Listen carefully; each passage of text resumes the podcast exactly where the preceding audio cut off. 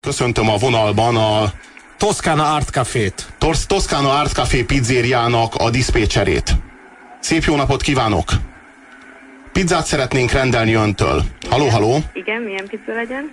Mégpedig egy Effendi pizzát szeretnék rendelni. Arra vagyok kíváncsi, hogy mi van az Effendi pizzán. Van rajta sonka. Egy pillanatot kérnék. Itt már gondban Alatt vagyunk. Mozzarella sajt, füstölt tarja, füstölt sajt. Füstölt tarja van rajta. De ha jól tudom, a füstölt tarja a sertéshús. Igen. Az effendi az pedig az iszlám világban számvevőt, tisztviselőt, földesurat jelent.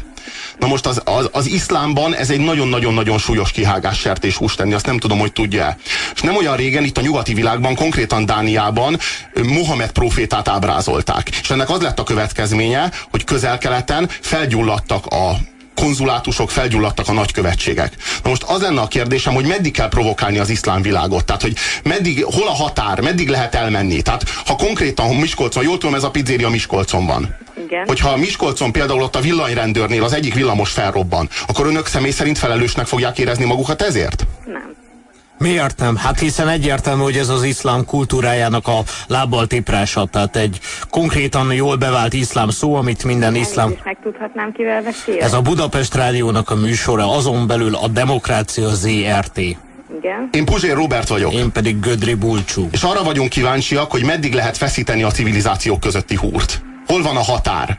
Ez egy, ez egy fantázia neve a pizzának.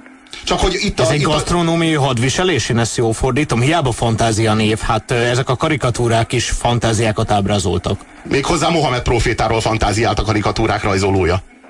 Tehát ö, arról van szó, hogy itt ez, a, itt ez egy fantázia név ez az effendi, de ez az iszlám világban konkrétan jelent valamit. Mégpedig egy iszlám előjárót jelent, aki nem ehet sertéshúst. Na Most, hogyha az effendi hozzányúl ehhez a pizzához, akkor az iszlám kultúrában egy, hogy is mondjam, egy nagyon-nagyon komoly felhajtó erő szabadul fel, ezt mostanában terrorizmusnak szokták nevezni, tehát az a harag, ami a két civilizáció között feszül. Hát úgy látom, hogy, ö, hogy, ö, hogy ö, az önök, az önök pizzériája az feszíti ezt a húrt, és nem tudom, hogy hol a határ.